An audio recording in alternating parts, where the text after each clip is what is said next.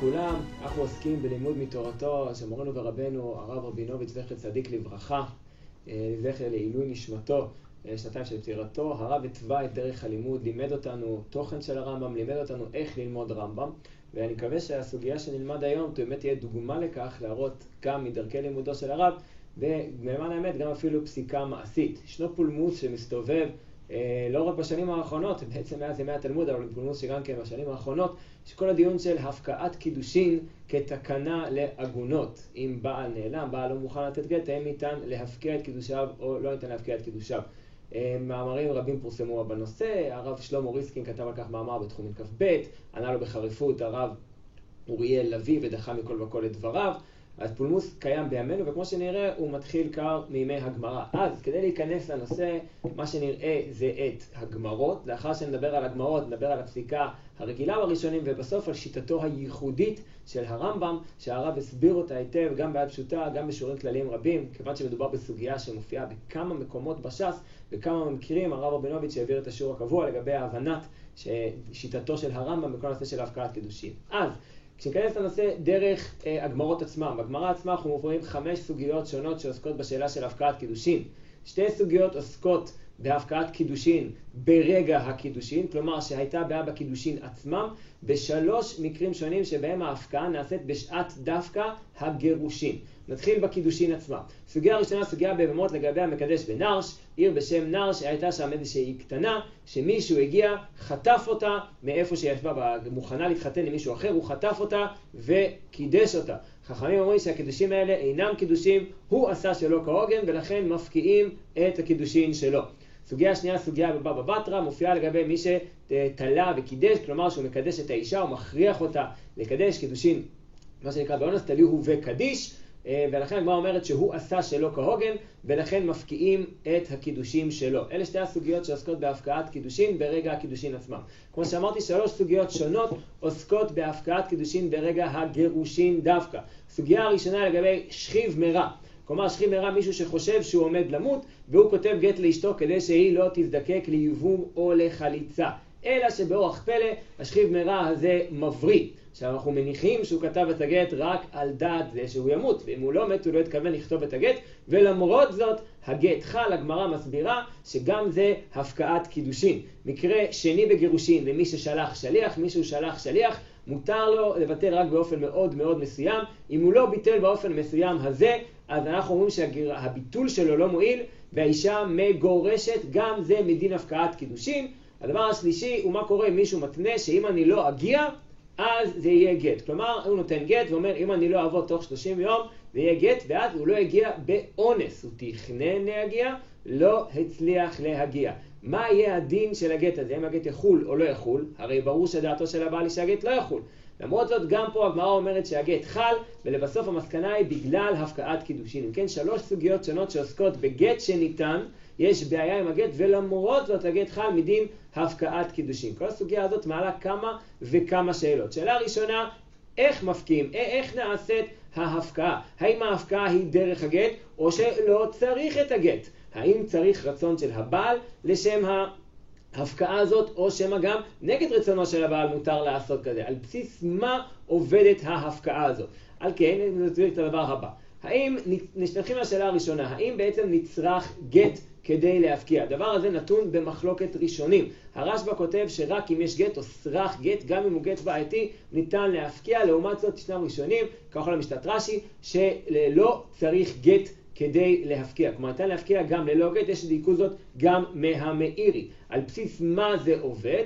ההסבר הקלאסי הוא שיש איזשהו תנאי מובנה. כאשר מישהו מקדש, הוא מקדש כדת משה וישראל, גם אם הוא לא אמר את זה בפירוש, זו נקודה חשובה, הוא מקדש כדת משה וישראל, ולכן כל הקידושים בעצם תלויים על בלימה. תלויים על תנאי שהחכמים לא יפקיעו לו את הקידושים. זה דבר מרחיק לכת ביותר. כל קידושין שבן אדם עושה, האם זה הופך את זה להתרעת ספק, דנו הראשונים? מה קורה בכל מיני מקרים? ברגע שאנחנו אומרים שהקידושין בעצם עומדים על ספק, יש בזה חידוש גדול. עכשיו שאלנו, האם נצרך רצון של הבעל כדי להפקיע, או שהם החכמים יכולים להפקיע מתי שהם רוצים. עכשיו, זה יכול להיות אותנו לשאלה של מתי מפקיעים קידושים. יש לנו מקרים בגמרא, כמו שאמרנו, מקרים בגמרא מצד אחד של קידושים שנעשו באופן בעייתי, ושל גט עם כל מיני בעיות. האם ניתן להפקיע בכל מיני מקרים, אומר הרשב"א, בוא נשים לב, הרי אין הפקעת קידושין במקרה של עגונה, במקרה של בעל סרבן. אנחנו לא מוצאים שחכמים מפקיעים קידושין. אז באילו מקרים מותר לי להפקיע? זו מעלה, זה מעלה שאלה גדולה. עכשיו, הרמ"א לדוגמה, מביא שהיה מקרה של הפקעת קידושין כאשר נשבו נשים באוסטרייך, נשבו נשים, נלקחו לבן הגויים, יש חשש שהם נאנסו ועכשיו הן אסורות לבעלים הכהנים שלהם, אומר הרמ"א, התירו את זה משום הפקעת קידושין. זה מקרה שהרמ"א מיישם את הדין הזה. האם מותר ליישם את זה בעוד כל מיני מקרים? שאלה נוספת, למי מותר להפקיע? אומר הרשב"א בתשובה, רק מה שנאמר בתלמוד מותר להפקיע, רק במקרים כאלה, רק להם מותר לקבוע מתי הם מפקיעים קידושין.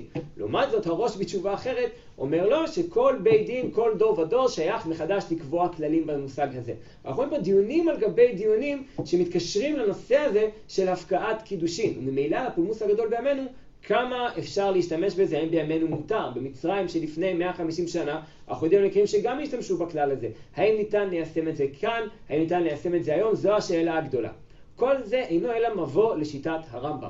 באורח פלא הרמב"ם, למרות שהדבר מופיע חמש פעמים שונות בש"ס, לא מזכיר את המושג של הפקעת קידושין. לא תמצאו ברמב"ם דיון שהרמב"ם כותב שהפקיעו את הקידושין ממנו. למה? איך הרמב"ם מתעלם ממושג שמופיע בגמרא?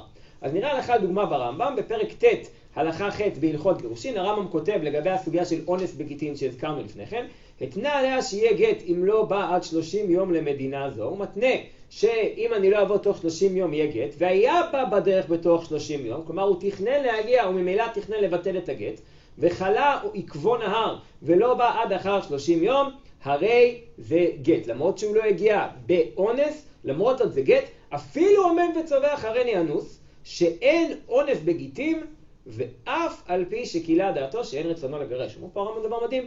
הוא מגלה דעתו שהוא לא רוצה לגרש, ולמרות זאת היא מגורשת. הגמרא עצמה הוסיפה שיש פה הפקעת קידושין, שהפקעינו רבנן לקידושי מיני. הרמב"ם לא מזכיר את הדבר הזה. כל מה שהוא כותב, שלמרות שגילה דעתו שאין רצונו לגרש, היא לא מגורשת. עכשיו דבר עצום, דווקא מן העצומה. כי השאלה העיקרית לגבי הפקעת קידושין זה ממתי היא מגורשת. אם אנחנו אומרים שהקידושין הופקעו, בעצם היא מגורשת למפרע, כלומר היא מעולם לא הייתה נשואה. אם אני אומר שהגט אמנם נצרך להפקעה, אבל ההפקעה נעשית למפרע, יוצא שהאישה הזאת לא הייתה נשואה. אם האישה זינתה, יוצא שלמפרע היא לא זינתה. אם היא הולידה ממזר, למפרע זה לא ממזר.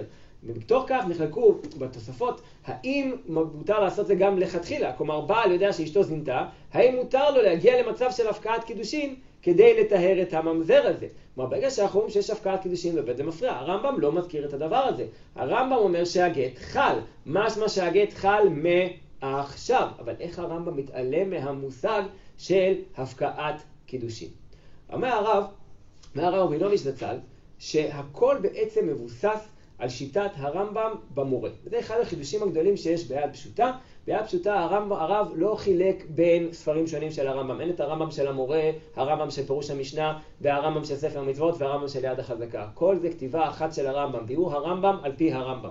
אומר הרב צריך להסתכל במה שהרמב"ם כותב במורה נבוכים, ושם הרמב"ם, הרמב"ם כותב, בפרק ג', בחלק ג', פרק מ"ט, שהוא כותב שלא תמצא דרך היתר לתשמיש, אלא בייחוד אישה בנשיאתה בפרהסיה. ממשיך הרמב"ם, ולפיכך ייתנו הקידושים בעשיית דבר מה יהיה בו ייחודה לו, והוא האירוסין, ושיפורסם הדבר והוא הנישואין. הרמב"ם דורש פרסום, שהדבר יהיה מפורסם. מוסיף הרב, מה הכוונה שהדבר יהיה מפורסם? שהדבר יהיה ברור. בקידושין ובגירושין צריך שהכל יהיה ברור, שהדברים יעשו בברירות. ממילא, מה עומד ביסוד שיטת הרמב"ם? מה שעומד ביסוד שיטת הרמב"ם הוא שחכמים קובעים שהכל צריך להיות ברור. כל המקדש, הדעת הדרבנן מקדש. הם קובעים איך לקדש כדי שזה יתפרסם. הם קובעים איך לקדש כדי שזה יהיה ברור. וממילא פשוט שמישהו שמקדש לא לפי החוקים של חכמים, אין קידושיו קידושין. לכתחילה, קידושין פשוט מאוד לא חלים, מכיוון שצריך לקדש באופן שיתפרסם הדבר, וחכמים קבעו איך יתפרסם הדבר, ממילא אם קידשת באופן אחר היא פשוט לא מקודשת. זה מסביר היטב את שני, הפ... שני הסוגיות הראשונות. הוא קידש שלא כהוגן, לכן הקידושים שלו לא חלים. הוא לא קידש לפי הכללים של חכמים, אז הקידושים מעולם לא התחילו. פתרנו את הבעיה הזאת. אבל מה נעשה ביום שידובר בגירושין? הרי הקידושין היו מעולים. הקידושין נעשו לכתחילה, הם חיו באושר ואושר עד שהוא נהיה שכיב מרע. מה נעשה בסוגיות האלה. פה הרב שולח בעקבות שוב איראני ידידי הרב הגאון יונתן רוזין לדברי תוספות טרי הלבן, תלמידו של רבינו תם, שהוא כותב שכל המקדש הדרת דרבן מקדש זה רק חצי מהמשפט, ישנו חצי אחר, וזה כל המגרש הדעתה דרבנן מגרש. כלומר, חכמים קובעים איך לקדש, וחכמים קובעים איך לגרש. כמו שאמרנו לפני כן, העיקרון הוא שהדברים, והסברה היא שהדברים צריכים להיות ברורים.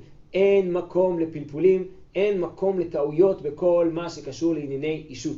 ולכן חכמים קבעו את הכלל הבא: כדי לקבוע את דעתך בגט, יש דרך מאוד מאוד מסודרת לעשות את זה. ואם לא עמדת בקריטריונים האלה, לא עמדת בכללים האלה, הגט, מה שהגילוי דעת שלך לא משנה. כלומר, מישהו שכיב מרע. ברור לי שהוא מביא את הגט רק על דעת זה שהוא לא ימות. אבל הוא לא גילה את דעתו באופן הנכון.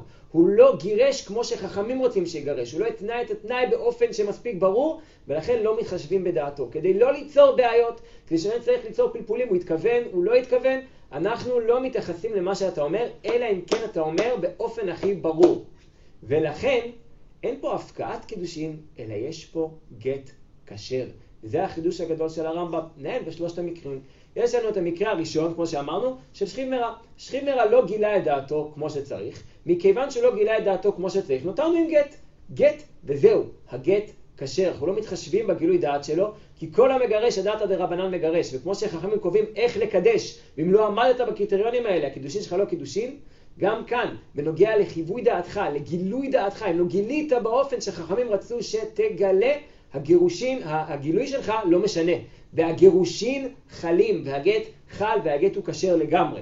אותו דבר לגבי מי ששלח שליח וביטל את השליח באופן שהוא לא ראוי, ביטל אותו שלא בפני בית דין. במקרה כזה, אם לא ביטלת כמו שחכמים אמרו, אז הגילוי דעת שלך לא משנה. גם אם אספת ואמרת שאתה לא רוצה לגרש, חכמים קבעו איך לבטל שליח. ואם לא ביטלת אותו באופן הנכון, ממילא הביטול שלך לא רלוונטי ולא משנה, והגט חל ככל גט כשר. הדבר האחרון הוא אונס בגיטין. לא קיימת את התנאי. חכמים קבעו שאם התנית התנאי צריך לקיים אותו. לא קיימת אותו, לא משנה. לא רציתי לקיים, יש רציתי, לא, זה לא משנה. ברגע שלא קיימת, נגמר. חכמים גילו איך לגלות את דעתך, אם לא עשית את זה באופן הנכון, ממילא הגירושין חלים לגמרי. נמצא שלפי הרמב"ם אין דבר כזה הפקעת קידושין, אין יצור כזה, אין חיה כזאת. יש כל המקדש הדרתא דרבנן מקדש, וכמו שאמרנו, הצד השני של המטבע בדברי תוספות תראה לבן, כל המגרש הדרתא דרבנן מגרש. צריך לעשות את זה באופן שחכמים קבעו. אז אם קידשת שלא כהוגן, לא כמו חכמים, קידושין לא חלים. ואם גירשת שלא כהוגן, כלומר, כתבת גט כשר, וגילית את דעתך באופן הלא נכון, באופן שאינו ראוי, ממילא הגט חל. גילוי הדעת לא משנה. אבל לא בגלל הפקעה, לא בגלל תנאים, לא בגלל כל הדיונים שעשו הראשונים. אומר הרמב"ם כי הגט הוא גט כשר. וממילא הגירושים חלים מעתה, כמו שפוסק תוספות ריאה לבן, כמו שהביאה שיטה מקובצת, כמו שיטה נוספת שהביאה הרמב"ן והריטב"א. הרמב"ם לא יחידי בזה שהגירושים חלים מעכשיו, אבל הרמב"ם מיוחד בכך שהוא הבין שאין מושג כזה הפקעת קידושין.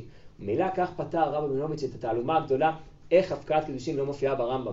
זה מושג שמופיע בגמרא, אבל המשמעות שלו איננה הפקעת קידושין שיוצרת כל כך הרבה שאלות כמו שעמדנו עליהן, אלא המשמעות שלו היא שצריך לקדש כמו שצריך, ושברגע שגירשת יש קריטריונים מאוד ברורים איך לגלות את דעתך, אם לא עמדת בהם, הגט כשר כמו שנותר. שנזכה בעזרת השם ללמוד מדרכו של הרב, ללמוד איך ללמוד, לגדול, לשמור ולעשות.